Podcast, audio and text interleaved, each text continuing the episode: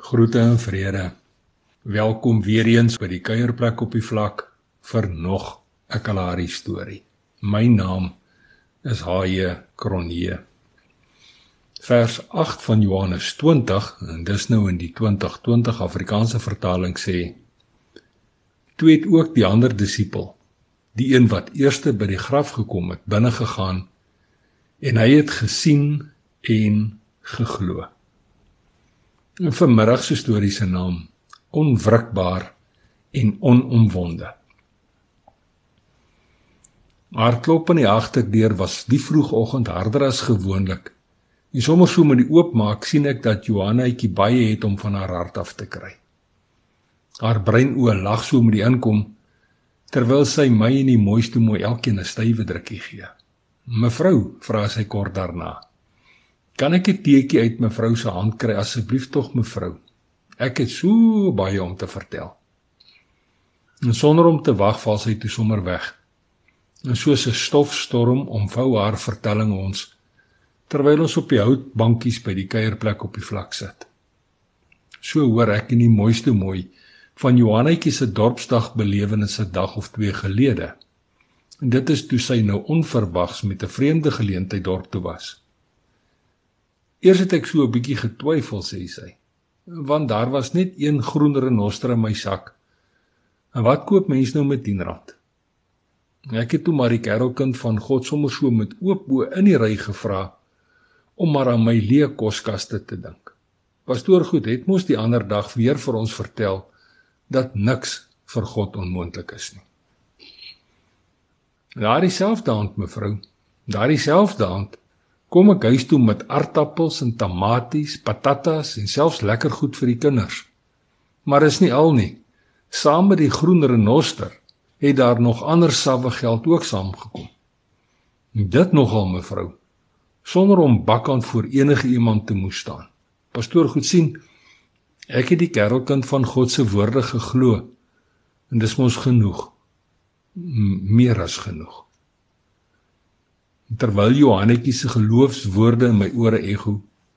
Onthou ek weer Johannes, en dis nou die lieflingsdisipel, en sy vroegoggend doen dinge op die opstanding Sondag.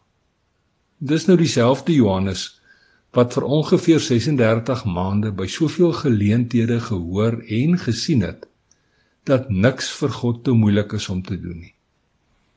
Is ook dieselfde Johannes wat op die berg van verheerliking sy oë op Moses en Elia neergesit het en en die kosbare belewenis gehad het om tydens daardie laaste donderdag se aandete teen Jesus se bors te lê. Die volgende dag moes hierdie selfde Johannes op Golgotha vir Maria ondersteun. Dit is nou langs 'n bloeddeurdrenkte kruis.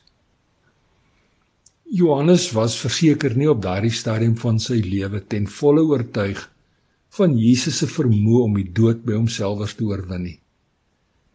Dis nou ondanks die realiteit dat hy soveel wonderwerke aanskou, lering en gelykenisse gehoor en gebeurtenisse saam met Jesus ervaar het.